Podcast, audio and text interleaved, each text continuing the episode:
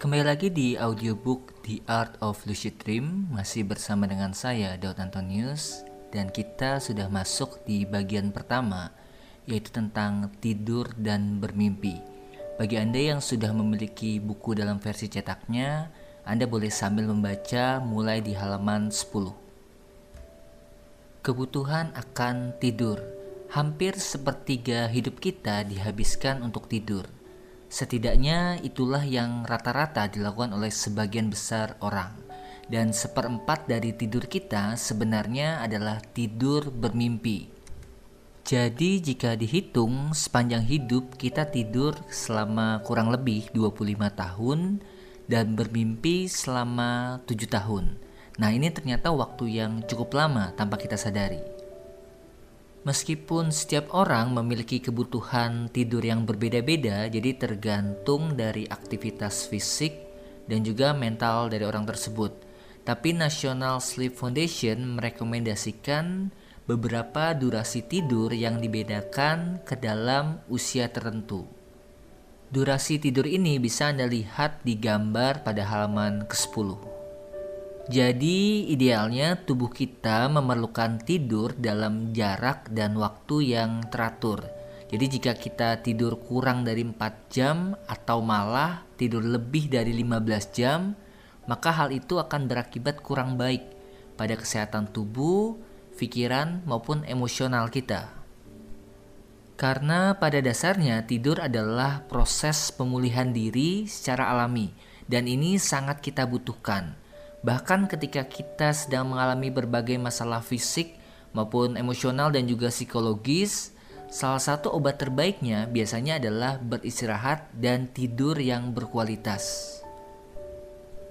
Pembahasan yang selanjutnya adalah mengenai waktu alami tubuh atau yang biasa dikenal sebagai ritme sirkadian.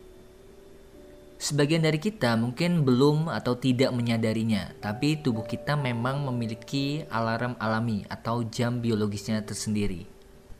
Ritme sirkadian secara sederhana adalah proses alami tubuh untuk mengatur jadwal tidur maupun jadwal bangun setiap hari. Dan lebih spesifiknya, ini mengatur tentang jadwal piket dari organ tubuh kita setiap harinya. Ritme ini jugalah yang membuat kita memiliki kebiasaan untuk bangun ataupun tidur pada jam-jam tertentu. Ketika kita tidur ataupun bangun pada jam yang kurang sesuai dengan ritme ini, itu bisa menyebabkan jet lag atau terganggunya siklus biologis alami tubuh. Oleh karena itu, kita perlu menyesuaikan diri kembali setelah proses perjalanan panjang dan juga melewatkan waktu tidur ataupun mengalami perubahan dari pola tidur. Aplikasi penerapan ritme ini sudah banyak digunakan dalam produktivitas kerja di jam-jam tertentu atau latihan fisik para atlet dan juga proses penyembuhan dari berbagai permasalahan atau penyakit fisik. Ritme sirkadian sendiri tidak hanya dimiliki oleh manusia, tapi juga hewan dan tumbuhan yang memiliki jam-jam tertentu untuk memproses organ mereka dan juga beraktivitas dan beradaptasi dengan lingkungan. Nah, berikut ini adalah beberapa jadwal piket alami yang masuk ke dalam ritme sirkadian. Anda bisa sambil melihatnya di halaman ke-12. Sebagai contoh, jika kita rincikan misalnya di dini hari dari jam 1 sampai jam 3 pagi, itu adalah kondisi deep sleep atau waktu terbaik bagi kita untuk memulihkan diri. Atau contoh lainnya di jam 6 sampai jam 9 pagi ini adalah kondisi di mana hormon melatonin kita yang biasanya tugasnya membuat kita mengantuk ini mulai perlahan-lahan berkurang kadarnya. Artinya tubuh kita secara otomatis akan bangun dan juga mempersiapkan metabolisme untuk melakukan berbagai aktivitas.